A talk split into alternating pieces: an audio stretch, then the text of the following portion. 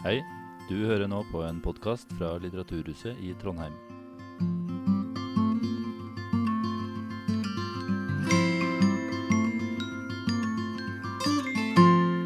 Hjertelig velkommen til Stokmanndagene. Mitt navn er Trond Aam, er daglig leder for Litteraturhuset, som organiserer eh, Stokmanndagene i samarbeid med Eventselskapet. Uh, uh, vi skal uh, i gang med en debatt om Klemenskirkeruinen. Skandale eller sensasjon. det er den eneste lokale debatten under årets Stokmanndager. Og det blir ikke noe mer lokalt enn en det her, for ruinene ligger jo rett bak oss her. Men vi har invitert et meget kompetent panel til å diskutere det som kanskje er den største og viktigste lokale debatten i seinere tid. og det ser vi fram til.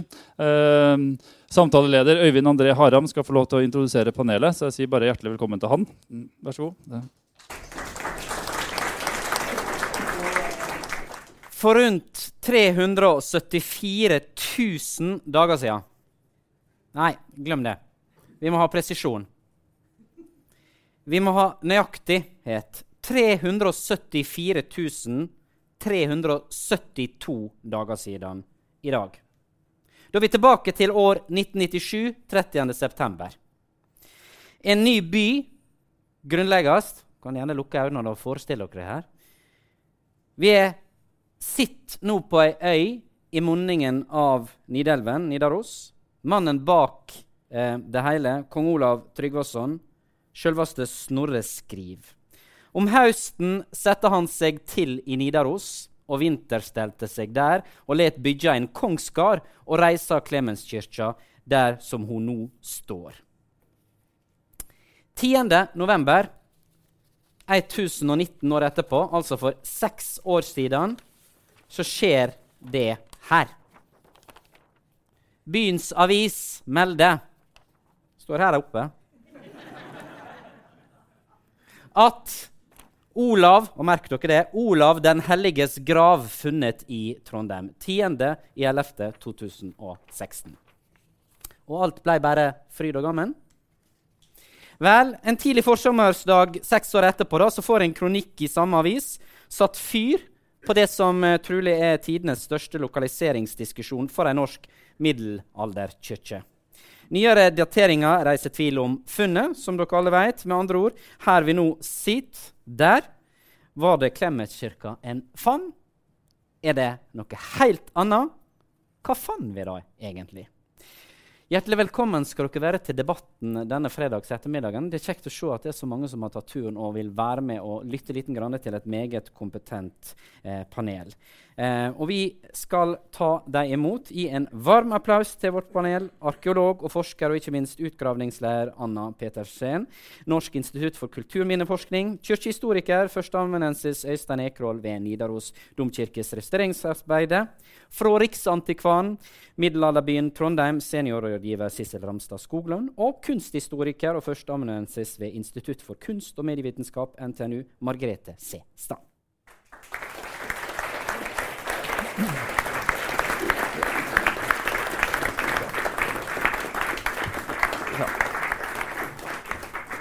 Ta plass, eh, alle sammen her nå. Kjekt å se at um, dere Og dere er klare, vet jeg. De er engasjerte. Vi passer på på bakrommet her at vi liksom ikke skulle starte debatten, så vi skulle tappe oss for, uh, for moment osv. Jeg tenkte at vi kan like så godt starte med deg, Anna. Uh, vi sitter jo her i, regi av Litteraturhuset og, og Stockmanndagene, som har sitt navn fra Ibsens figur doktor Stokmann. Og han sa sagen er den, seri, at den sterkeste mann i verden, det er han som står står mest alene. Har du følt deg alene i etterkant i sommer? Um, ja, hvis jeg kjenner skjebnen til doktor Stockmann, så gikk det vel ikke sånn kjempebra.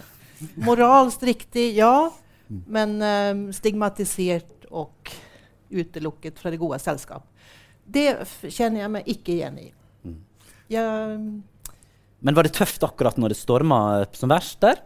Jeg har um, jeg har vært opptatt av at det arkeologfagliske, arkeologfagliske eh, grunnlaget skal komme fram. Mm. Um, at det skal være en åpenhet i det vi har formidlet, og bortrapportert. Så jeg syns Jeg syns kanskje at jeg er litt forbauset over intensiteten i debatten. Den hadde jeg ikke riktig uh, forutsett. Mm. Vi skal komme tilbake til hvorfor det ble som det ble, og, og tilspissing og alt mulig etter hvert. Eh, Sissel Ramstad Skoglund, det er Riksantikvaren som har ansvaret her. Eh, du og dere, din stab bestiller slike utgravninger. Eh, du representerer altså middelalderbyen Trondheim. Kan du forklare litt om, om dette ansvaret som dere har når, når, når en skal gjøre utgravninger, og hvordan det systemet der fungerer? Mm, ja, I denne saken her så er jo vår rolle at vi er forvaltningsmyndighet for uh, det som vi kaller for middelalderbyen Trondheim. Som er et stort arkeologisk kulturminne som ligger under bakken i store deler av, uh, av Midtbyen i Trondheim. Det, det, er liksom øya Midtbyen ja, det er snakk om? hovedsakelig. Og så er det sånn at det er et automatisk freda kulturminne etter kulturminneloven. Og det betyr at når noen skal gjennomføre tiltak som uh, kommer i berøring med kulturminnet, på noe vis, så er det søknadspliktig, og det er vi som har den myndigheten til å gi sånn tillatelse. Sånn som det huset her, da, som er saken her. Uh, vi fikk jo den saken inn som en reguleringsplan og, og skulle behandle en, eh, en, søknad om å få sette opp det bygget her. En ganske utfordrende sak. Vi befinner oss veldig sentralt midt i kjernen av middelalderbyen nå. Og det er dype, omfattende kulturlag her. Så hvordan vi best skulle um, bevare kulturminneverdiene her, og samtidig uh, finne en løsning for at de kunne få bygd det huset her, det var utfordringa. Mm. Uh, Visste dere noe om akkurat her? At dere tenkte dere noe sånn helt akkurat før du ringte til til, til, Anna her og, og bestilte? Ja, ja, det er klart. Vi har alltid visst at det her er et kjerneområde i middelalderbyen. Så vi hadde store forventninger på forhånd om hva vi kom til å finne. Vi jo, hadde jo òg en forventning om at vi kunne komme i berøring med et kirkested, faktisk, ut ifra opplysninger som vi hadde fra tidligere. Så, men vi stilte en rekke krav til utbyggeren her i forbindelse med tillatelsen. Bl.a. så er bygget her fundamentert på perler. Dvs. Si at under her vi sitter nå, under mesteparten av bygget, så er det fortsatt intakte kulturlag som skal bevares i et langtidsperspektiv. Men i og med at vi at kulturlagene i akkurat det området her har kanskje spesielt høy eh, kunnskapsverdi, så ønska vi å få ut noe av den kunnskapen før bygget kom opp. For Så lenge bygget står her, så vil de kulturlagene være utilgjengelige for forskning.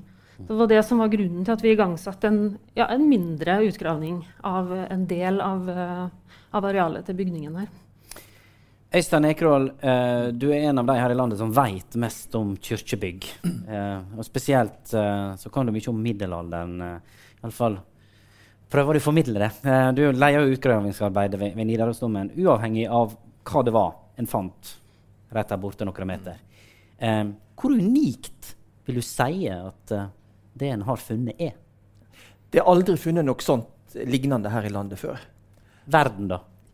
Mm, uh, ja, du skal iallfall et godt stykke av gårde før du finner dette. Altså, vi har jo gravd i en del stående norske middelalderkirker. Og da finner man ofte under gulvet rester av ei eldre kirke, ofte med jordgravde stolper.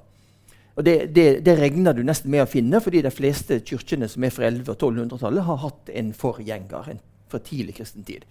Av og til er det funnet rester som man kan tolke som to kirker. Men her er det jo funnet kanskje fem og det er helt, helt unikt. Altså, vi har en sekvens uh, som er ikke funnet noe lignende. I alle fall, jeg tror vi kan si at det i Norden i alle fall, har vi ikke noe tilsvarende til det funnet her. Og det har på en måte drukna litt i all denne debatten omkring uh, Olav den hellige og identifisering av dette. Mm. Og, uh, så uansett hva dette er, så er det altså i seg sjøl et helt enestående funn som, eh, som eh, absolutt må forskes videre på og eh, formidles videre også. Hva tenkte du da, når du hørte eh, det første de hadde liksom Det var jo, kjempe, det var jo kjempespennende. Var det hu hurra? Var liksom, ja, du tenkte når fikk vite at det var ei kirke, eller det man begynte å identifisere den som? Mm. Uh, altså, jeg syns jo bare å finne ei kirke, for jeg, jo, jeg, jobber jo mye med det. og uh, vi har jo ikke gravd en, en middelalderkirke i Norge på nå nesten 40 år. Jeg var med i 1985 på den, siste, den foreløpig siste. i, i Bø i Telemark. Og vi er to gjenlevende som, som, kan, ha, har, som har erfaring med å grave, grave middelalderkirker. Og det var jo derfor vel jeg ble bedt om å komme ned eh, av og til for å se på ting og diskutere i feltet med utgraverne. Fordi dette var en type utgraving som de egentlig ikke hadde så mye erfaring i. Fordi vi, de har vært bokstavelig talt lagt et lokk på, eh, på kirkegravinger i den siste generasjonen. Du skal få straks svar på, på det. Men bare eh, introdusere litt deg også på første spørsmål, Margrethe Stang. Eh, du er kunsthistoriker og jobber mye med, med mellomalderen. Eh, eh, eh, denne diskusjonen vi har sett i sommer eh, Du sier at den, når vi da skal diskutere den også, så er den egentlig sånn forhåndstapt i, i, i mediene. Hvorfor, hvorfor mener du det? Du, eh, det er kanskje dine ord, men jeg tenker jo at det å diskutere eh, middelalderhistorie og middelalderarkeologi eh, i sånne kjappe medier, altså f.eks. Dagsnytt 18, da, eh, Anna, som du er veldig bra stilte opp på. Man skal jo si ja. Men det er så mye som er ukjent om middelalderen. Nå ser jeg at jeg har noen studenter som, i salen, så dere har hørt meg si dette her før. Men for å jobbe å forske på middelalder, så må man være bekvem med en grad av usikkerhet. Det er så mye vi ikke vet. Så tenk dere hele vestdelen av Nidarosdomen, vestfronten. Eh, hvordan den egentlig så ut. Jeg har ligget våken mange netter. Og vi, så vi tror vi vet en del, men når man koker det ned Hvis jeg skriver en artikkel Hvis jeg skulle være helt presis, så måtte jeg skrive kanskje nesten hver eneste setning. Så stor usikkerhet er det. Vi vet ikke engang helt sikkert om Olav den helliges lik ble fraktet fra Verdal til Trondheim. He? Vi har så mange kanskjer. Og den graden av usikkerhet er veldig vanskelig å kommunisere på en måte som man fortsatt har det engasjementet for fortiden og syns det er gøy å ha den der litt sånn skattejaktaktige på en måte begeistringen som den populære historiefortellingen og populære arkeologien på mange måter er litt enig, nei, avhengig av. Så der ligger det innebygget i hele denne saken en kjempestor felle. da. Så, så, så det blir litt sånn For, det, for deg er det eh, det er vanskelig da når media kommer, og så vil en selvfølgelig skal forkorte, pakke sammen og skrive en overskrift. Og så skal du ha med et 'kanskje' inni der. Da blir jo ikke det den saken som ja. Skjønner. Vi skal komme mer tilbake til det også og snakke litt mer om det som mange kaller sensasjonsarkeologi. Men vi, vi må jo starte liksom der dagene skrus litt tilbake til 2016. Eh, Anna, du satt nedi hullet her. Um, eh, du sa til meg på telefonen at svært ofte så har arkeologer hypoteser om det en, en holder på med. Hadde du det når du, dere begynte å grave her? Ja, Um, vi graver efter en plan. Vi har en projektplan som vi har sendt till Riksantikvaren. Vi har et budsjett. Vi har ganska fasta rammer kring det vi skal gjøre. Ehm, och I det här fallet i 2016 så hadde vi eh, en liten forundersøkelse fra året før. Og der hadde vi lokalisert eh, tre steder der det helt tydelig var fundament efter en kirke, som ikke var en stenkirke. Det var eh, eh, nummer en, ikke steinkirke, trekirke, og det var en stor kirkegård runt. Och vi fikk ut karbon 14-dateringar fra lag under fundamenten til den här Og de kom ut med tidlig, altså sen vikingtid, tidlig tusentall. Um, så vi var, jeg var i alle fall klar over at her kan vi ha kommet i kontakt med en av de tidlige kirkene i Trondheim. Uh, og vi hadde forventet en kirke, ikke fem trä- kirker, som, som Öystein säger, som er altså bygd på hverandre under en 300-årsperiode. Um, nå snakker jeg så mye, så jeg Ja. snakker bort meg fra spørsmålet. Ja. Men, altså, jeg spurte deg om, om, om, om, eh, om hypotesen. Liksom Ja, om, at du har en hypotese. Jeg har en hypotese. Og det Og tror hva var den? altså, jeg adresserte tidlig at det kan ikke utelukkes at det her kan være Klemenskirken. Hvorfor var dere så bevisst på å henge opp i det? Ja, jeg tror jo at jeg syns det er viktig å tørre å si ting som på en måte kan være kontroversielt i arkeologfagets miljø. Eh, men hvis man ikke sier det, så, så kan det snu altså, jeg, jeg, har ingen problem med å, uh, å si hva det kan være. Du, må, du, kan si at det kan være den kirken, det kan være den kirken. Vi vet ikke hvilken kirke det kan være. Ingen aning. Vet ingenting. Eh, men i dette fallet så, eh, så Jeg har aldri sagt noe som ikke har vært i forhold til de dateringene vi har hatt hele veien i feltet. Men, men, men, bare for å ta det, hvis du sammenligner litt med journalistikken da, altså, Hvis du har en hypotese, så jobber du ut ifra det, og så prøver du å innhente liksom, mm. ting som kan stadfeste den hypotesen. Ser du nå i etterkant at dere fulgte det sporet der, og så parkerte dere andre ting? Ja, ja, det er klart at det har, har en, den har blitt ensidig sporet inn på Klemenskirken. Men jeg mener at det er viktig å formidle det vi tror, mm. i felt. Jeg syns at det er et samfunnsansvar å fortelle hva vi tror at det her kan være. Mm. Ikke, det er kirke, det er tidlig middelaldersk bosetning, hva enn det kan være. I dette tilfellet så, vi, så gro vi i telt. Ingen så noen ting. Eh, og, og, jeg syns det var viktig å forankre en stor byarkeologisk utgravning i det lokale miljøet her. Folk skulle vite hva vi holdt på med inne i teltet. Mm, mm. eh, og vi innledet et samarbeid med, Riksant eller med Adressa ganske tidlig. Fordi det var en kanal til å nå ut. Mm. For å fortelle folk? Ja. Mm. Mm. Sissel, eh, når du hører da eh, det som de finner her, første ting eh, hva, hva, tenkte Riksantikvaren da? Eh, da dere ble varsla om det? Er det da oh, dette er stort, dette er svært, her må vi få oppmerksomhet? Eh, det er vel ikke det vi først og fremst tenker. Vi måtte jo komme på banen for å finne en løsning rett og slett på den situasjonen som da oppsto. Mm. Vi hadde et, et tidsramme og et budsjett å forholde oss til hvor den utgravinga skulle gjennomføres. Og så viste det seg jo at det var et betydelig større omfang av kulturlag der enn det som var forutsatt på forhånd. Større kompleksitet også. Så det ble jo klart på et tidspunkt at det her lar seg ikke gjennomføre. Ja, også ble, I forhold til tidsfristen? I forhold til tidsfristen og, og budsjettramma. Så her måtte vi jo inn og, og foreta oss noen ting. Uh, den tidsfristen vi hadde satt for, altså som deadline for å avslutte utgravninga, hadde jo også med å gjøre at her skulle det inn anleggsfolk og begynne å bygge det huset vi sitter i nå. Mm. Uh, Føler en seg pressa på det?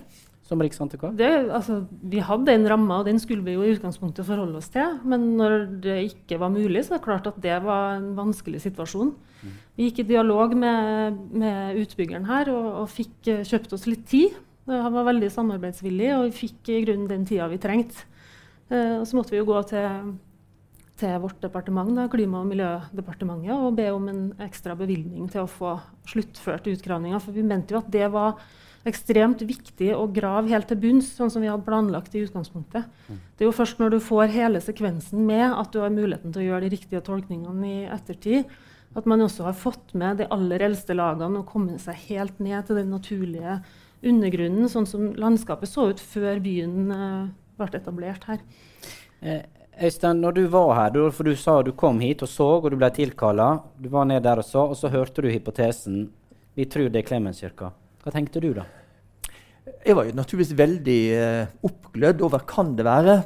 Men uh, så er det jo denne tvilen som ligger bak. For uh, så jeg har nå Så mange folk som kjenner meg, vet jeg har jo vært ganske nøye på å si den såkalte Klemenskirka. fordi altså jeg mener prinsipielt at vente, den endelige tolkninga skal man vente med til utgravingsarbeidet og rapportarbeidet er ferdig. og, det, og jeg snakker av egen erfaring, fordi jeg jobber så du er litt uenig i denne hypotesen at han ikke skal si så mye om det? da? Man skal ha en hypotese, men altså, hvis han hadde ringt Adresseavisen og sagt ja, vi har funnet en bygningskonstruksjon som sikkert har en religiøs funksjon, det er jo den faglig korrekte måten å si det på. Du har Ikke fått uh, det her oppslaget her da, kanskje? Nei, det er akkurat det. Det er jo den balansen mellom vi, vi, vil jo, Alle arkeologer vil jo gjerne formidle det vi finner. Vi syns jo dette er kjempespennende. Vi forstår ikke at ikke alle er like interessert som oss. Og så må vi prøve å gjøre det interessant og fengende for andre. Og det er da den balansen, det er en slags knivsegg du går på mellom å prøve å gjøre dette forståelig og interessant for flere, men samtidig ikke ro det for langt ut med å si at nå, nå har vi noe helt fantastisk eh, funn. Fordi altså, I min ungdom så jobba jeg på Bryggen i Bergen, og der gravde man i utgangspunktet altså etter etter gitte forutsetninger. Man visste man hadde branner som hadde etterlatt seg spor. Så nå er vi kommet ned på 1702-brannen, nå er vi kommet ned på 1476-brannen. Og det gikk kjempefint inntil man skulle begynne å sette sammen alt dette. her. Og så oppdager man at det stemte jo ikke, for det var jo flere branner enn man kjente fra historiske skriftlige kilder. Og de satt og strevde i år etter år, og det ble ikke noe ut av det. Så det har på en måte brent med. Uh, for i og med at jeg opplevde dette ja, var litt feil uttrykk, kanskje. uh, fordi, jeg, fordi, jeg, opplevde dette her at det, tolkningene på forhånd fanga, bordet fanga, som gjorde at det ble vanskelig å, å komme seg inn igjen. Mm. Um, så prinsipielt mener jeg at det, man skal ikke gå ut med endelige tolkninger før man har gått igjennom hele utgravingsmaterialet mm. og rapporten er klar. Og da, da, da, setter du på en måte litt spor på det som vi kan komme, grave litt mer inn her, sensasjonsarkeologien. Eh, og eh, Margrethe, eh, du var jo inne på det litt i starten. Eh, og da vi prata sammen også her i forkant, så, så, he, så, du sier at ting har litt lett for å bli sensasjonsarkeologi. Hva, hva legger du egentlig i det? Altså det, vi kan vel dele denne forsamlingen i de gruppene som er mye på sosiale medier, og de som ikke er det, og jeg som er der mye uh, merker jo når det har skjedd et, et, spennende funn. Det går verden rundt før du får uh, uh, Egentlig, altså Over natten så var jo Klemenskirken en, en verdenssensasjon. Og det ble også slått opp i norske medier. Um, Gjellestadskipet, som noen av dere sikkert har hørt om, det er også sånn som De har funnet et nytt vikingskip. Og, og, det er blitt stort, og det er blitt fantastisk. Og, altså det eneste det ikke var, det skipet var jo vel bevart. Ikke sant? Uh, og, og, hvor er det nå? Um, og, og det, det, ligger jo en slags mekanisme både i hvordan sosiale medier fungerer, eh, som et sånn megafon som forsterker alt og gjør det større og forenkler det og oversetter det til nye språk. Uh, og så Samtidig så ligger det som vi så vidt har vært innpå, ikke sant, at i Norge så har vi sånn kartlegginger, arkeologiske kartlegginger og så har vi forskningsgravinger. Og, og, akkurat sånn som i resten av forskningsverdenen så, ligger, så, så er det på en måte disse her muligheten til å drive ordentlig forskning og gå i dybden bokstavelig talt, da, den, den, er så vanskelig å få tak i. Så det også ligger en mekanisme hos oss som forskere, enten vi er eh, på et institutt som NIKU, eller vi er på universitetet eller et museum, eh, til å på en måte bruke veldig store bokstaver og nærmest etablere på forhånd denne hypotesen. Sant? Fordi at å uttrykke uttrykke den faglige usikkerheten som vi alle sammen her kjenner på, uh, må balanseres mot dette at her er vi sikre på at vi finner noe spennende, og dere må gi oss penger og gi oss tid. Så de mekanismene er i spill i, i Klemetsirke-saken, mener jeg. Altså, mener du at en skrudde for mye? At en skrudde for høyt opp her for, altså, for å få oppmerksomhet? Jeg, jeg, tenker at det er urettferdig å si mann og på en måte klistre dette her på, på Anna. Mm. Men jeg tenker at vi alle sammen i Norge som driver med arkeologi og, og, eldre historie, kjenner til disse mekanismene. Og at det ligger noe Det er derfor jeg, jeg tror jeg ble invitert her litt fordi jeg har skrevet om dette på Facebook. Mm. Uh, og, og, der har jeg vært opptatt av at eh, nå når vi på en måte har, har snudd eh, om ikke 180 grader, så 90 grader på Klemenskirke-identifiseringen, så skal ikke det være en mulighet til å, å på en måte angripe enkelt personer eller forskningsmiljøer. Men at vi skal se kritisk på hvordan vi strukturerer eh, arkeologi. Og hvordan vi planlegger eh, forskningen på eldre tid. Altså, hvem er det, og hvor til slutt ligger det også Riksantikvarens ansvar, da, siden vi på 90-tallet skilte ut NIKU som et forskningsinstitutt og bevarte forvalteransvaret uh, den, i etaten hos Riksantikvaren. Og her skulle disse to eh, balansere ut hverandre. Og har de gjort det i Klemmensirke-saken? Hva svarer dere to damene her på, til venstre for meg? Sissel, hva tenker du i forhold til det hun sier? Margrethe? Jeg synes det i hvert fall er viktig å være klar over at det verken var kun Riksantikvaren eller kun NIKU som, eh, som eh, hevda at det her var Klemenskirka, men vi hadde tilknytta et, eh, et referan... Nei, hva heter det? Et, eh, en referansegruppe? En referansegruppe, ja. Faglig gruppe som var knytta til utgravingsprosjektet, og som besto av uh, ja, fremstående forskere innenfor arkeologi i, fra både Norge og, og, utlandet. I tillegg til en rekke eksperter som, som Øystein og andre som ja, kom og hjalp til med ulike problemstillinger som oppsto underveis. Og det var bred enighet den gangen om at det var Klemenskirka som var funnet. Det var ingen, var ingen som var Nja det, det, jo, det, ville det jo alltid være. Mm. Men jeg vil si at det var brei enighet blant de som var tilknyttet prosjektet, om at det var Klemenskirka som var funnet. Og jeg mener fortsatt at det var riktig av oss, jeg sier oss, å gå ut med det både til pressen og også å ha det med når vi presenterte for departementet. Nå må jeg jo si at Vi presenterte de funnene her for departementet altså når vi skulle høre om det gikk an å få noe mer midler, som et kjempeviktig arkeologisk kulturminne. Og, altså, det med Klemenskirka var litt sekundært vil jeg påstå, i det notatet som vi først skrev der. Altså, det er utrolig viktige funn som er gjort her, uavhengig av identiteten til kirka. Det, det er det jeg syns fokuset bør ligge på hele veien. Og det, det var det fokuset vi hadde ville fremme det her som et viktig funn uansett om den Klemens-teorien hadde eksistert eller, eller ei. Anna, hva sier du i forhold til det?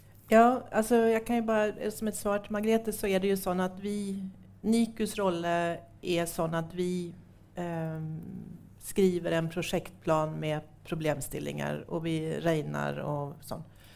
Och det sendes till Riksantikvarien så att vi kan aldrig, eh, vi kan inte skrika oss till pengar. Det är ikke mulig i dagens system, uansett hvor høyt vi kanskje roper og mm, ber. Og, så det er Riksantikvarens beslut. Men, men, eh, men uh, kanskje at prosjektplanen er, som ofte blir revidert, men at den er et styrende dokument for enhver arkeologisk oppdrag. Mm. Men, men, ja. men, hvis en går ut og sier at det er Klemetskirka med alt det, så blir jo det litt litt, litt ekstra da i departementet, ikke det? det? Det er vel en historie som folk som ikke er fagfolk, kan, kan kjenne igjen og synes er litt sånn spennende. Mm. Men det er jo et, en, eh, en, fagavdeling i departementet også, som òg består av arkeologer. Så det her har jo blitt tatt uh, oppover i systemet ledd for ledd. Og den fagavdelinga er jo også i stand til å se at det her er interessante og svært viktige funn, uh, uavhengig av den historien. Men bare for å ta det helt klart. Da dere var i Oslo, ba om mer midler eh, og alt sånt, dere visste ingenting om det dere har funnet ut seinere, med seinere dateringer? Nei. Den gangen var, var, jo dateringsgrunnlaget Her er jo analyser som har blitt gjort i ettertid. Mm. mm. Altså etter at utstillinga åpna. Mm. Nettopp. Ja. Eh, eh, Øystein, når du, når du, hører det her eh, eh som de sier eh, Det høres ut som de var kritiske, da? Ja, altså Jeg har ikke deltatt i saksbehandlinga, så det har ikke noe med Jeg bare tenker på altså jeg tror det, dette vil dette med Clemens på en måte vil roe seg litt. Det er nå veldig hektisk en periode. Altså jeg tenker på, Vi har jo to store funn, eh, Oseberg-funnet og Gokstad-funnet. og Siden det ble gravd ut i 1880 og 1904, så har han diskutert hvem var det som lå i disse haugene. Altså Ose, såkalte Osebergdronningen og denne mannen på Gokstad. Uh, og det, ja, det, blir aldri ferdig med å diskutere. Og det, det, det gjør jo ikke funnet noe dårligere for det. Mm. Fordi vi ikke har fasiten på dette. Så jeg tror at når vi får lagt noe, denne første fasen bak oss, så blir dette stående, altså dette kirkefunnet, som et, et helt unikt funn. Eh, det syns jeg forteller mye om, er jo forholdet mellom arkeologi og media. Mm. For uh, man må jo bruke media for å få ut budskapet, men samtidig så har jo media sin agenda akkurat som arkeologene har det. Og der er vi veldig dårlige. Hvorfor er dere dårlige? Eh, vi, vi, ikke, vi, har ikke trening i, å, i å, hvordan man behandler media. Altså, vi tror at det man, vi ringer til en, kanskje en journalist til å fortelle noe, og så, så er det liksom et slags mikrofonstativ. Men det er det ikke, fordi journalister, media, har sin agenda. Og den er ikke nødvendigvis vår agenda. Hva agenda mener du mediene har? da? Ja, altså, eh, det, det, merker man jo veldig ofte, fordi det du har sagt, kommer ut på en helt annen måte enn det du trodde det skulle komme ut som. Mm. Og da, Derfor sier jeg liksom som postulerer stol aldri på en journalist. uh, jeg har møtt én journalist som var ærlig. og Det var i Tønsberg. Jeg hadde en liten utgraving der. Så kom det en journalist fra Tønsberg Blad og skulle liksom skrive om dette. Og befriende ærlig spurt Første hun sa, var Ja, hva har dere gjort galt her? det, var, det, var, det som var interessant. Ikke, hun spurte ikke hva har du funnet her, Nei, hva har dere gjort galt? Men mener du at det er media sin feil at det ble som det ble? Nei, men media har sin egen agenda, og vi er ikke flinke nok til å på en måte formidle dette. Vi skulle hatt medietrening som en del av faget, tror jeg faktisk, som, under, som en del av undervisninga. Fordi vi skal jo i veldig stor grad formidle våre, og det er jo media. Nå er det jo gammeldags media, altså trykte media, og så er det de sosiale media. Um, det blir veldig viktig, og dermed så, så har jeg inntrykk av at vi er ikke For det første sitter vi jo på masse spennende kunnskap som ikke kommer ut i det hele tatt. Og når vi kommer ut, så, så mister vi ofte litt kontrollen over hvordan det Har jeg inntrykk av, iallfall. Anna? Ja, vi har jo på vårt kontor her i Trondheim så har vi jo jobba bevisst med å formidle hva vi har funnet mens vi holder på. Mm. Altså det skal være dagsfärskt. Och den tradisjonen syns jeg vi skal utvikle og, og videreføre. Og det, den handler ikke nødvendigvis om å gå til, til eh, eh, media utan det er også ting som vi kan faktisk formidle selv på egne plattformer. Um, og, og det, det er kjempeviktig. Og det har gitt Altså, jeg er pasjonert opptatt av middelalderbyen Trondheim. Uh, jeg syns det er uh, utrolig viktig at Eller det er hva jeg mener. Det er ikke sikkert at alle mener det her. Men, men jeg har et behov for å fortelle hva vi gjør. fordi vi, vi står oftest med ryggen til, langt nede i noen grøft. Ingen skjønner noe. Og det er bare brunt og grått og en stein her og der. altså, hvor artig er det, liksom? Det, men jeg syns vi har gjort bra arbeid. Eh, så honnør til mine kolleger. Eh, og det har vært viktig, og det er et enormt Det er etterspurt. Ja, for hvis du legger presenninga over og sier ingenting og holder på, så blir jo også vi andre rundt, og media inkludert, nysgjerrig på hva foregår her. Ja, og, og altså- det er spekulasjoner. Og jeg syns ikke man skal kimse med at vi jobber med tiltakshavers pengar. Vi jobber med skattebetalarnas pengar. Det er et samfunnsansvar menar jeg, å formidle det vi har. Men la oss bore litt i hva dere fant og ikke fant, og diskusjonen om det. Først og fremst så lurer jeg litt på Hvis du går inn dit nå, så har jeg jo skjønt, og jeg har gått rundt og sett sjøl Nå er jo det lagt et lokk på det. Hvorfor det? Det ble betong oppå. Eh, sånn sett, så du kan ikke gå, etter sånn som jeg har skjønt, så kan ikke du grave enda mer rett ned i. Det, det krever Da må du Jeg kan, jag kan ja, ja. Det er gravd ned til bunn. Mm. Uh, Så det er ikke vits i å grave enda lenger ned? nej, vi är helt nere i, i eh, den gamla Lona som låg här på eh, slutet på 900-talet. Så vi är helt i bunn. Men däremot så finns det kulturlag på bägge sidor, både ut mot gata, in mot, eh, mot väst och sør og nord. Mm. Mm. Men kunne, altså, kunne han ha gjort noe i forhold til det at når det er så unikt, når det er så, så spesielt, når vi vet så lite som vi vet om middelalderen og, og hva som skjedde her i, i byens eh, Når byen ble, ble, ble eh, grunnlagt, kunne vi ha passa på så vi kunne gått, gått tilbake igjen og så gått ned der når vi hadde fått mer midler? Kanskje du kan svare på det? Cecilie? Ja, altså Akkurat innenfor det feltet som Anna sier, så er det jo gravd til bunns. Så der er det ikke noe mer å hente. Men det ligger jo kulturlag overalt ellers i middelalderbyen. Altså her vi sitter nå. Og, og Under med, kanskje? akkurat under her, ja. Eh, men Riksantikvaren jobber jo primært for bevaring. Det er jo det som er, Vi ønsker jo at kulturminnene skal bevares på stedet i den grad det er mulig. Eh, Litt for at framtidige forskere også skal få en, en del av det her. Så, så det er jo litt spesielt at vi velger å, å initiere en utgravning sjøl, sånn som vi har gjort uh, i det tilfellet her. Det er jo nesten alltid knytta til tiltak. Det er det jo på en måte her òg, men, men vi kunne ha latt utbyggerne utbyggeren få bygge oppå kulturlagene over det hele. Men vi, som sagt så syns vi at det var viktig å få kloa i en liten bit av det utrolig spennende som ligger her. Øystein, jeg vet jeg du har litt tanker. Ja, jeg syns jo man skal grave litt mer. Altså, nå er det jo eh, Litt. altså det, det, når, vi, når det blir gravd sånn som her, så er det jo fordi det skulle bygges et hus. Det ville ikke blitt gravd noe her ellers. Da ville vi jo, Hvis ikke Koteng ville bygge her, så hadde man jo ikke visst noe som helst om det som lå her. For noen må betale.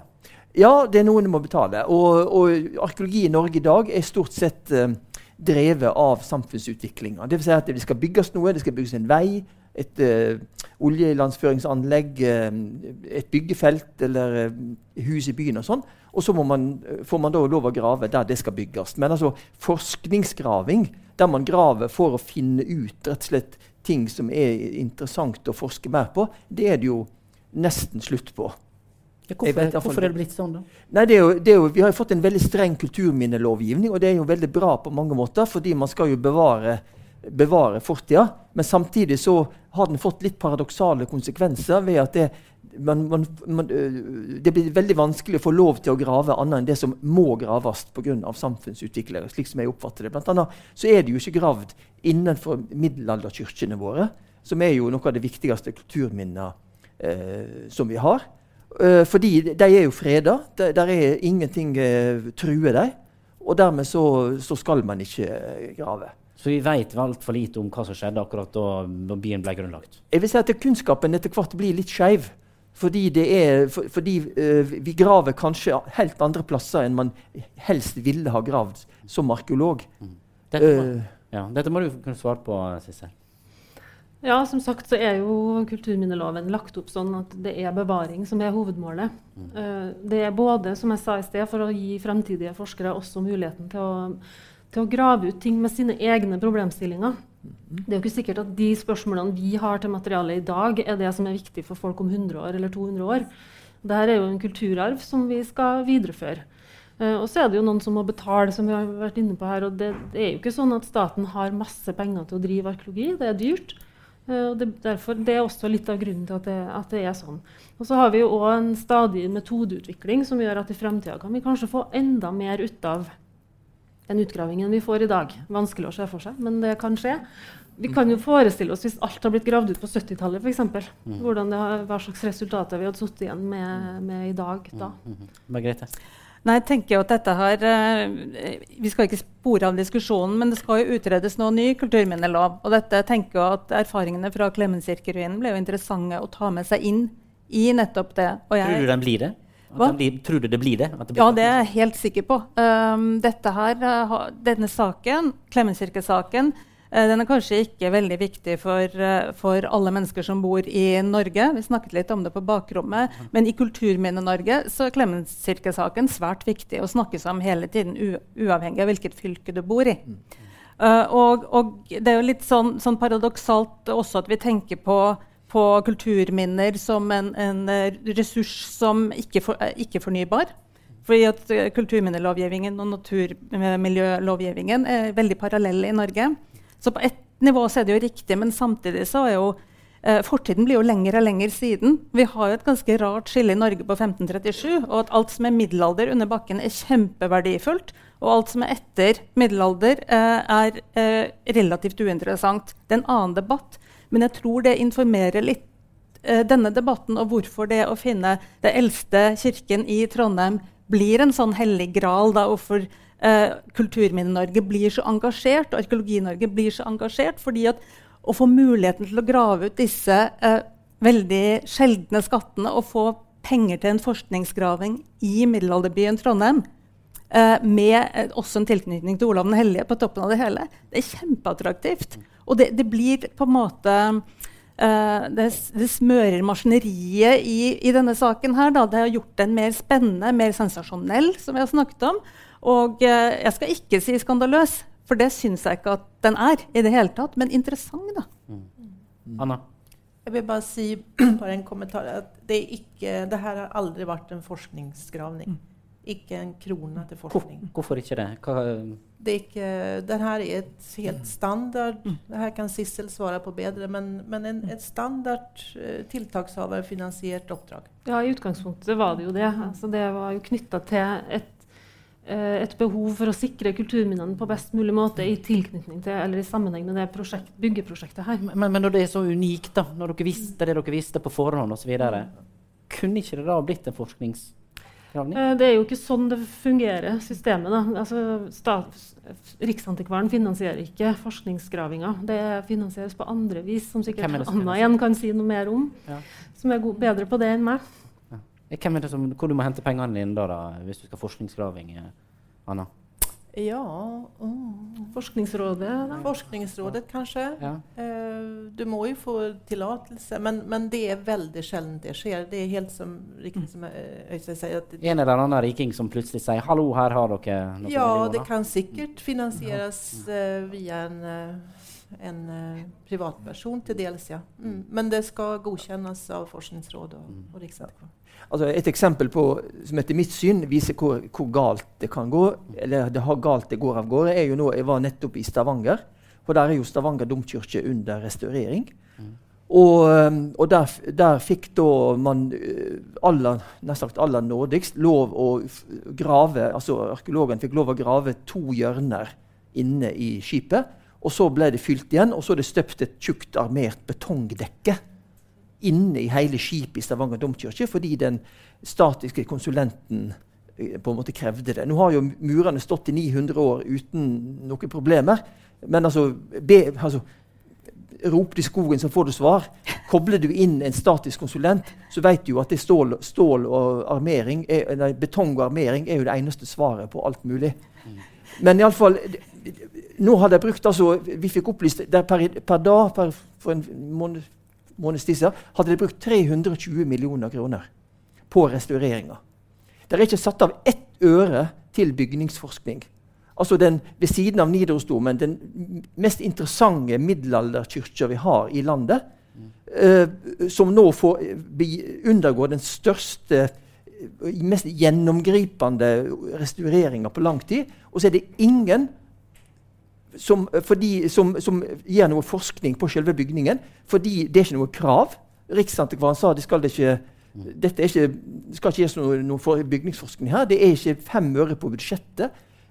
Selv om de samler opp masse kunnskap, så vil det komme i beste fall en rapport som kan lastes ned, uh, og som veldig få sannsynligvis vil lese. Og så står man der, og, og når det er brukt opp, det er vel 400 millioner som er totalramma for dette. her. Så står man med en nyoppussa domkirke, men altså, man har ikke noe mer kunnskap om, men, dette. Men når det er slik, Øystein, altså, ja. det er noen som har, har gjort noe feil? da, altså ikke fått formidla dette godt nok fram? slik at det er fortsatt? Ja, fordi, fordi forskning er ikke en del av uh, hele utgravinga. Altså, man, staten eller Riksantikvaren det, man krever uh, utgraving, rapportarbeid, og så er det slutt. Altså Formidlinga videre i form av bøker eller utstillinger sånn, det er ikke med i, i uh, dette. her, og Derfor så blir det altså liggende. Så Dette er jo et helt unikt eksempel på at man faktisk fikk penger til å lage en, en veldig flott utstilling. Det, det, skjer jo Som regel så blir jo bare utgravingstomta fylt igjen, og det blir bygd over, og så glemmer man hele greia. Så noe klarte dere å få ut av dette? Ja da, absolutt. Fabelaktig. Ja, ja. Ja, eh, men, men eh, la oss gå litt inn i det dere fant, da. For det er jo, det, det er jo en del eh, der, det, er jo der striden kanskje har vært heftigst. Eh, du står fortsatt ved det, Anna, at du sier at du kan ikke utelukke at det var Klemenskirka dere fant. Nei, um, kanskje jeg må forklare litt ja. hvorfor jeg mener det. Um, Prøv å gjøre det litt kort, da. Ja, det, ja. Hvis det går. Mm. Vi har uh, Den eldste kirka vi har på stedet, er en stolpekirke. Det er en form av stavkirke, men der stolpene er jordgravde. Det er det som vi kaller en ganske Det er den første typen av eh, kirkebygg. Jeg, du spør. Du må, jeg du må spør. Gå, ja. godkjenning helt til venstre der. Mm. Mm. Eh, den ligger i bunn. De eh, stolparna er datert, eller fält, eh, efter 1009 og 1009. Eh, det ligger fortsatt. Vi har en grav med tømmer fra samme tid, som også er samtidig med denne kirken. Um, det er det vi har av dateringsunderlag til kirka. Så har vi uh, det som ligger under kirka, den profana bebyggelsen som er mektig, den er yngre enn dateringen på de her stolpene. Så det vi har et enigma der. Vi, skjønner, vi sånn. Man må si det her tømmeret er gjenbrukt. Tømmeret i kirka, tømmeret i graven er gjenbruk. Eh, og så går eh, oppfatningene især. Eh, er det et gjenbruk som er et helt rasjonelt form av gjenbruk? Eller finns det en rituell symbolsk betydelse i gjenbruket? Det är en sak. Jag hävdar att man kan inte utelukke att det finns ett symbolskt tänkande i det her gjenbruks... For fem, da tenker du ut ifra fem kirker på nei, ja, ja, det også. Men dateringen av den første kirken. Mm. Altså, hvor har man tatt det her prakttømmeret fra? Mm. Uh, men de kunne jo tatt fra hvor som helst? kunne det da? Ja, jo, ja. Men du må tenke at du må ta det fra i så fall stående bygninger i Trondheim mm. på tidlig tusentall. Og, og det er også en sak med vi, vi, vi forholder oss til et religiøst objekt. Det er en kirke det er snakk om. Eh, jeg mener at det er lite sannsynlighet for at man har brukt tømmer fra en profan bygning inn i en kirkebygning. Jeg tittar nå her på Ja, Øystein, du får kommentere her.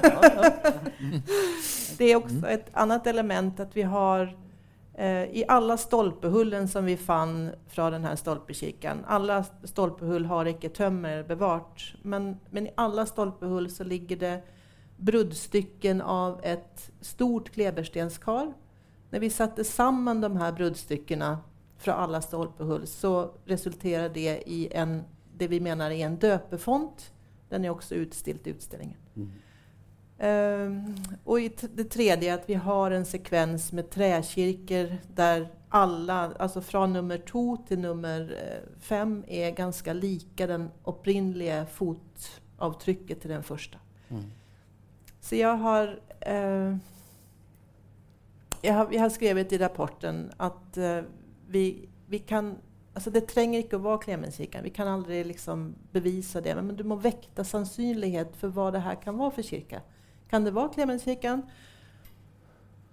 Element av Klemenskirken her. Men vi vet at det her er ikke stedet der den opprinnelige Klemenskirken sto. Det er kjempeviktig å skjønne. Mm. Hva sier du til det Anna nå sier, Øystein? Jo, altså det er jo nettopp sånne problemstillinger som er altså det, det, er jo nettopp det, det, som gjør dette så unikt. Altså dette med det, dette tømmeret som da er gjenbrukt. Og så kan vi diskutere om det kommer fra et profan bygning, altså en et bostadhus, eller noe sånt, eller om det kanskje kommer fra en bygning med, med religiøs funksjon. som jeg sa. eh, eller um, eh, Og nettopp dette med dette karet, som jeg er litt usikker på om jeg vil kalle det døpefont. Men i hvert fall dette store kleberkaret som er altså, bevisst knust. Bare ta, ta, ta det. Hvorfor er du usikker på at eh, det er en døpefont? Nei, altså, vi, vi har ingen døpefonter eldre enn 1100-tallet. Altså, som er minst 100 år yngre enn dette her. Og vi vet ikke om andre i Skandinavia heller som går så langt tilbake. Vi har et par bilder eh, som ikke heller er samtidige, men av eksempel, eh, folk som ble døpt i, stort, i, en stor stamp. Tydeligvis laga av treverk, altså en lagga stamp. Ellers var det jo veldig mye voksendåp. Uh, altså ved heil neddykking. Vi hører jo hvordan folk ble døpt i sjøer og elver. og sånn. Så man kan diskutere liksom, hvordan foregikk egentlig dette med den første generasjonen som ble døpt. Uh, så du har ikke, har ikke noe tilsvarende ute i Europa heller? Nei, det, men, det, er jo nettopp det vi må i gang med. da, ja. og begynne å se Hva er det de har funnet i Danmark, hva er det funnet i England, i Tyskland, og så sammenligne. Polen. Ja, og sammenligne dette her. Og det er jo nettopp å finne muligheter og midler til å kunne gå videre med dette, mm. som er det, det spennende. Gjorde dere det, Anna? Sammenligna dere med ut ifra ja, altså vi har uh, En av Norges eksperter på døpefonter mener at det er en døpefont.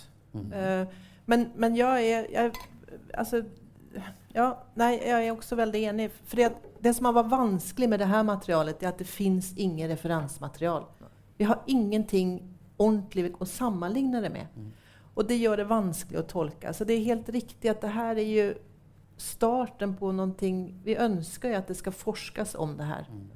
Uh, og per i dag så er det en, eneste uh, faglige er den arkeologiske rapporten, og det er ikke en forskningsprodukt. Det, må du, det har du sagt tidligere. med nettopp. Ja. Eh, eh, ville du, bare du om ordet? Må jeg si? Nei. No, nei. du, ja. eh, men, men eh, OK. Eh, da er det man Du utelukker ikke det? Utelukker du det, Øystein? At det er Klemenskirka? Eh, nei, vil, jeg vil ikke utelukke det. Men, da, men da, så er det, dette er som å sette opp et dominospill. Mm. Nå, nå, har vi dytta den første brikken, Og da liksom ramler hele greia. For det, det korthuset vi har bygd opp, da, eller dominorekka Vi har fortalt ja, nei, det, det, var ingenting her før i 997.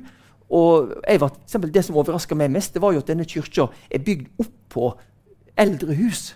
Jeg hadde jo tenkt meg at det, det som ble grunnlagt her i, i 997, da mm. at det, da var du på, på barmark. Det var sto ingenting. Hvorfor i verden skulle de rive fine trehus for å bygge et kirke oppå der? Det, er det noen teorier om det? Nei, eh, men det er jo da fantasien begynner å spinne litt. Da, det, altså, kanskje, vi har jo, så har vi jo tenkt at ja, kanskje man sier at var, det var bare ei kirke til å begynne med, Klemenskirka. Mm. Kanskje var det ikke det? Kanskje var det andre kirker her allerede? Mm. Kanskje lå eh, lå det en bebyggelse en annen plass. Altså, det, dette her sparker, Heldigvis sparker det beina unna alt vi har trodd til nå. Det syns jeg er kjempespe kjempespennende. Ja, og det, nå må jeg liksom høye arkeologien, fana arkeologi her. For Fordi det er bare arkeologiske resultat som kan endre historien. Altså, i alle fall, ja, ikke, Vi har historikere også, men, men arkeologien er så ja. Arkeologien er så viktig fordi at den viser noe som ingen av oss hadde kunnet tro om mm. det her. Altså, man etablerer Man har en bebyggelse fra tidlig tusentall. Poff, bort med den. Ned på med et kirkested. Det fins ingenting i Snorre som står om det. Altså det fins en, en, variasjon og en mangfold og endringer i denne første delen av Trondheim som egentlig kun arkeologien kan vise når vi får anledning til å grave på det her viset. Mm. Nei, jeg tenker det, som, det, med at man mangler referansemateriale, som, som, du sier, og det Øystein har sagt tidligere om at det ikke egentlig har vært noen ordentlige kirkegraver i Norge på, på veldig, veldig lenge. Eh, er jo to sider av samme bilde. Eh, det som jeg mener er Norges fineste middelalderkirke, Urnes, det er jo enten den tredje eller den fjerde eh, trekirken på det stedet. Det vet vi fordi det er gravd der. Vi hadde ikke visst det ellers. Og den kirken har jo, den, den jo måte, har jo også treverk bevart over bakkenivå, på å si. sant? Um, men den er jo bortimot usynlige skriftlige kilder. Det, det, er jo ingen middelalderske kilder som gir noe som helst indikasjon på at det er en kirke der, at den er fin. den er, Jo, kirken er nevnt i et testament, men ikke tilgodesett med noen gaver. Sånn at, at de skriftlige kildenes måte, eh, verdiløshet er jo også noe som dette kaster litt lys på. Da. Dessverre for mange, både historikere og, og bindestrekshistorikere. Men, men eh, men uh, av, jeg mener at en av grunnene til at vi ikke har noe referansemateriale, ikke nødvendigvis er at det ikke fins maken til denne kirketuften her i Norge, men bare at vi ikke har gravd dem ennå. Mm. Fordi at det gjøres så utrolig lite uh, graving, og, og at det, det, er et uh, faglig problem. Altså, jeg er ikke arkeolog, da, men jeg vil nesten si et metodisk problem. Mm. Men kan trekke den tilbake med en gang før jeg blir arrestert. Ja, altså det, det, det, det, funnet forteller meg, og det tror vi er helt sånn u ukontroversielt. Det var, det var så trangt om plassen her allerede så er det rundt 1060. Mm. For det er vel det er nå den siste dateringa. Altså At man måtte rive stående hus for å få plass til ei kirke, det forteller jo at det, det, det, har vært mye mer bebyggelse rundt her. Og fordi man ville ha denne kirka akkurat her, så reiv man altså stående hus. Jeg kan ikke komme på et eneste eksempel på at kirker er bygd over profan bebyggelse. Altså, Jeg tenker på utgravingene i det svenske Lund, f.eks. Jeg kan ikke jeg komme på et eneste eksempel. For i den tidlige middelalder så er kirkene lagt på bar, altså jomfruelig mark eller ubygd mark. Det så dette her er, det er ekstremt unikt, det han har funnet? Ja, det er det. Og kanskje var det altså mye mer her enn vi tenker oss. Vi, jeg har jo selv vært med, om historien, da? Jeg har jo selv vært med å lage tegninger, rekonstruksjonstegninger der du har en fem-åtte hus som ligger spredd litt rundt denne el elveslyngen. Og så Det var liksom det. Kanskje, kanskje Nidaros uh, eh, år 997, det er enda tidligere? Ja, hvorfor ikke? Altså, vi har jo, uh, vi har jo handelsbyer nå fra, fra 700-tallet mm. uh, i, i Syd-Skandinavia. hvorfor skal vi ikke ha hatt en, en en bebyggelse her. Husk på at Trøndelag er jo et rikt område. Det er ingen andre bydannelser i Trøndelag. Altså Nidelva gir jo helt fantastiske egenskaper til å kunne ha en havn. Alle de andre elvene er jo ustadige, og du kan ikke ha havn i Gaula eller Stjørdalselva. Eller sånn. Slik at det er helt unike forhold som ligger til rette her. Hvorfor skal ikke du ha en, en, en, handelsplass med fast bebyggelse allerede på 800-tallet. Hvorfor ikke? Det er bare å begynne å grave. Så skal vi se. Jeg ser det er folk fra Adresseavisa her, så det er et fint sensasjonsopplag, det. Byen grunnlag tidligere. Ja, men Det var en ordfører i Bergen som sa by, kongen kong Olav var der i forbindelse med en utgraving. og spurte byens alder er et spørsmål om bevilgninger, Deres Majestet. og det, det er helt sant.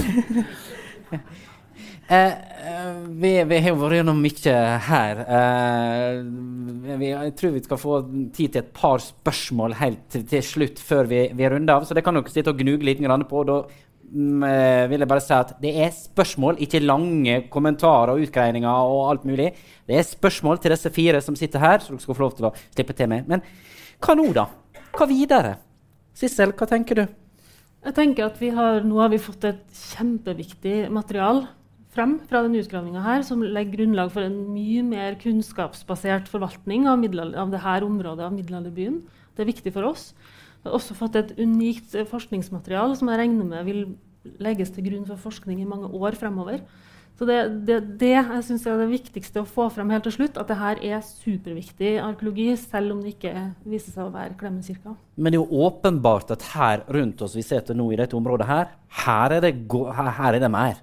Her er det mye mer, ja.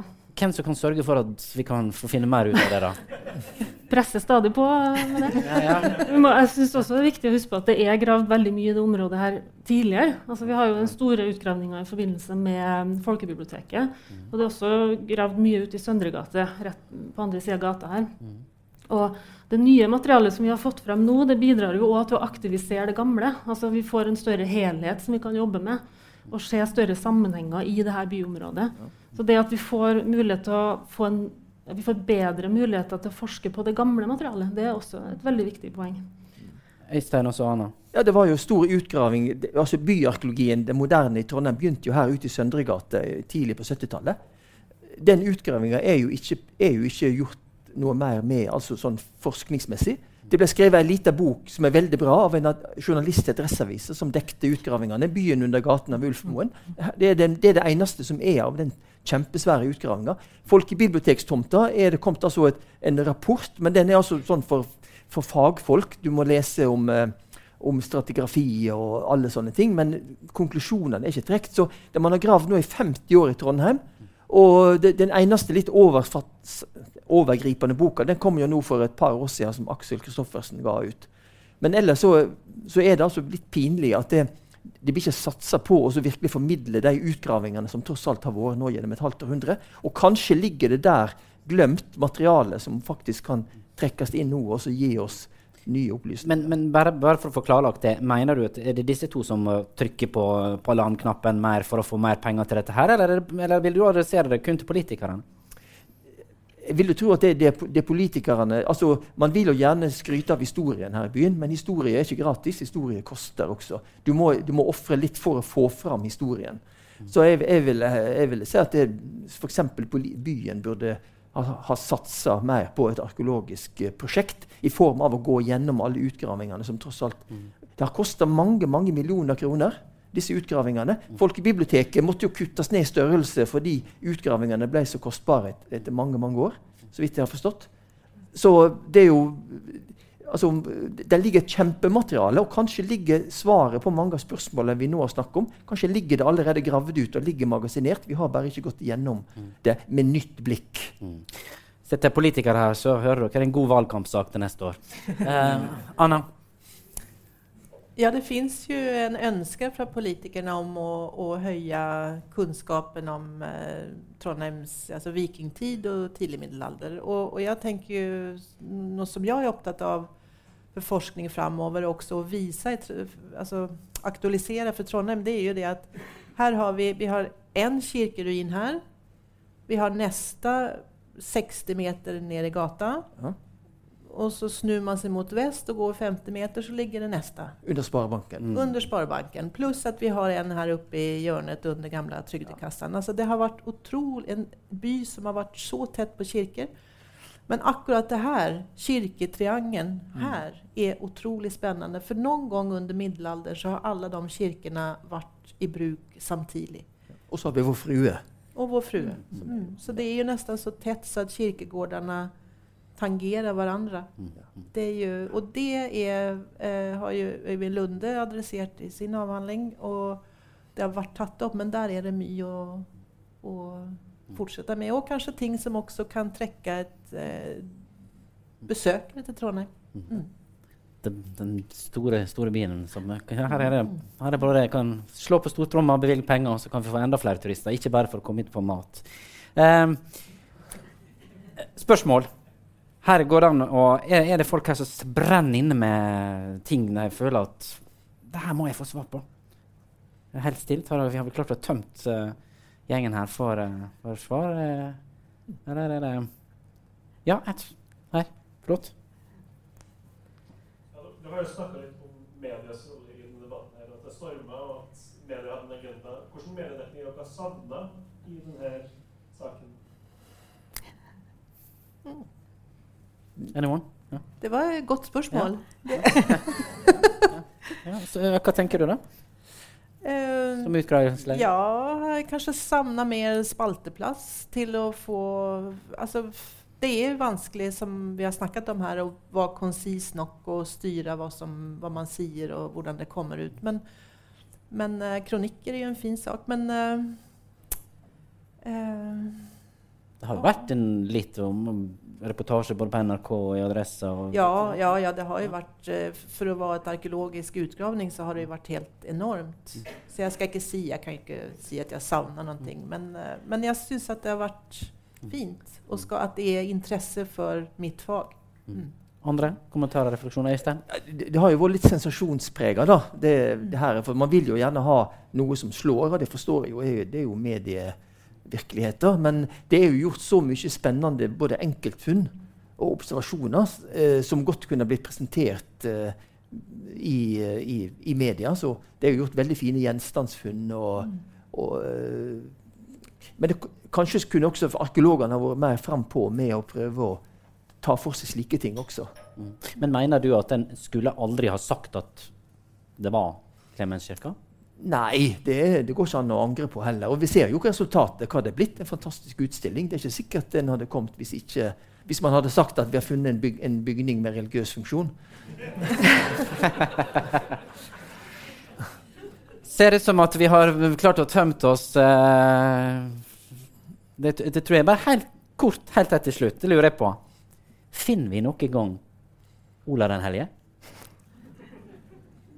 Spør dere, litt sånn tabloid selvfølgelig. Men finner vi han? Hvis jeg får penger og lov til å grave en viss Så eh, vet jeg iallfall én plass jeg vil grave. Ja, ja. Du har en teori? Ja. Ta den, for jeg vet den er litt, den er litt. Nei, jeg vet, eh, altså, eh, Vi vet jo han ble gravlagt eh, til slutt under gulvet i Nidarosdomen. Altså, Grava ble fylt igjen i 1568 og sletta. Og nå er jo det meste av, av eh, gulvet under Nidarosdomen spadd ut.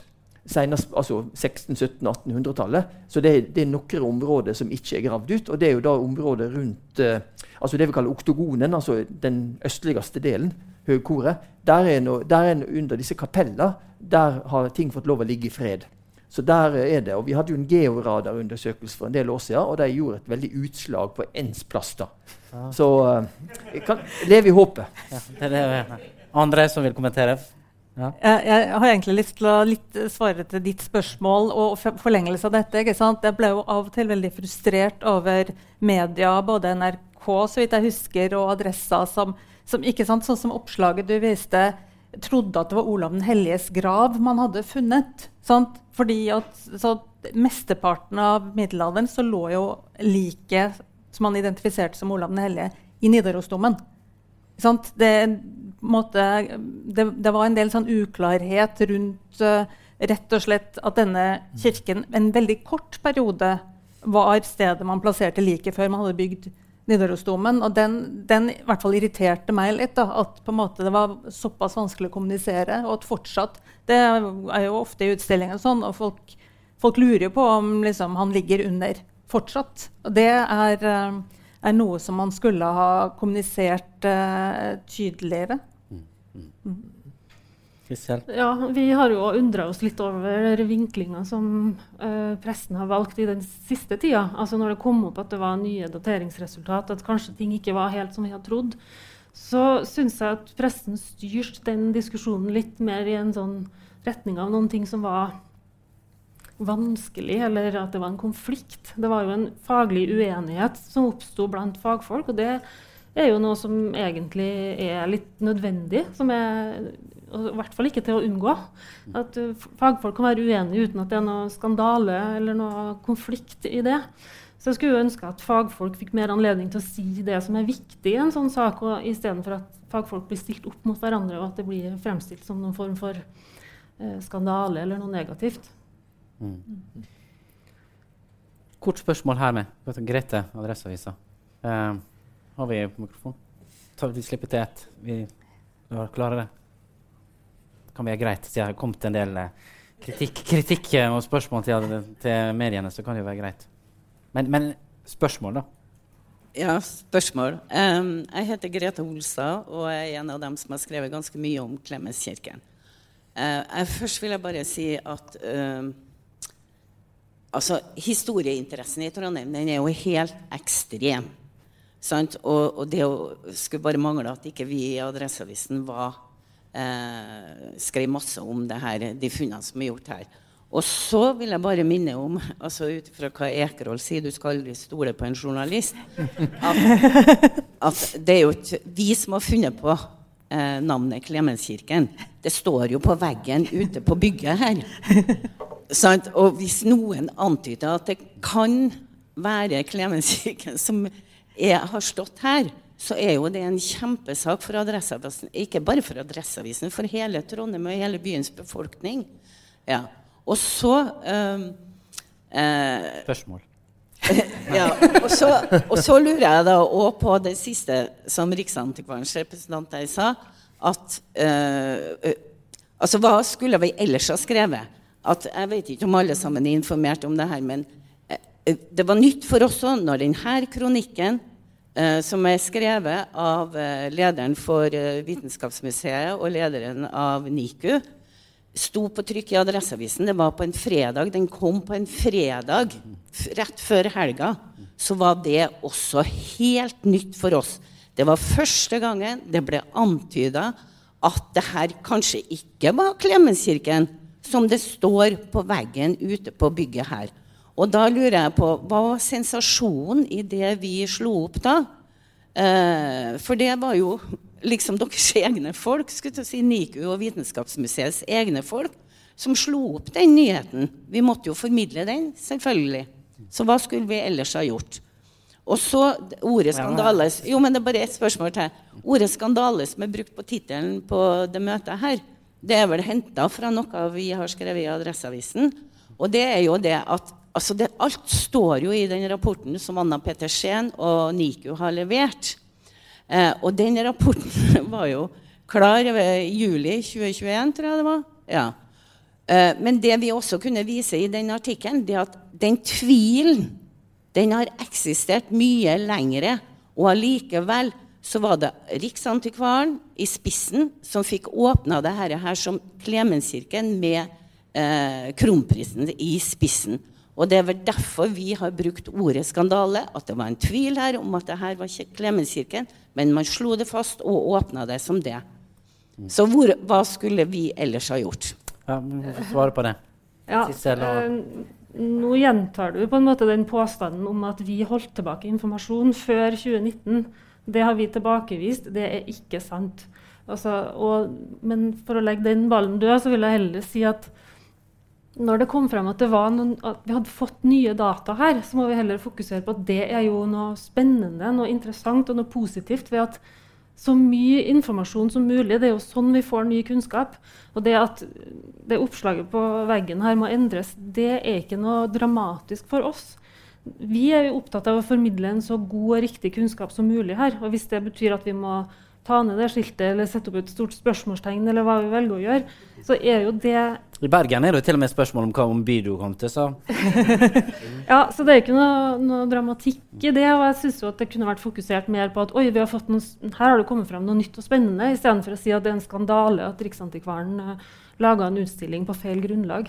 For det, den gangen utstillinga ble laga, så var det det riktige grunnlaget. Andre som vil svare på, på det som Jeg tror vi kan fortsette den diskusjonen der i all evighet. sånn sett. Iallfall er mulighet til å kunne eh, prate med, med disse her etterpå, vil jeg tro. Og det, det går an å gjøre. Eh, vi minner bare om at eh, Stokkmanndagen den fortsetter utover fredagen. Og ikke minst har vi en knakende spennende eh, debatt eh, klokka 18 her. Eh, da er det Eikrem-saken 'Hva skjedde?' Så eh, går det an å ta seg en liten runde i byen eller kjøpe litt i banen, og så komme tilbake her klokka 18.00. Så sier vi tusen hjertelig takk for oss, og takk til panelet.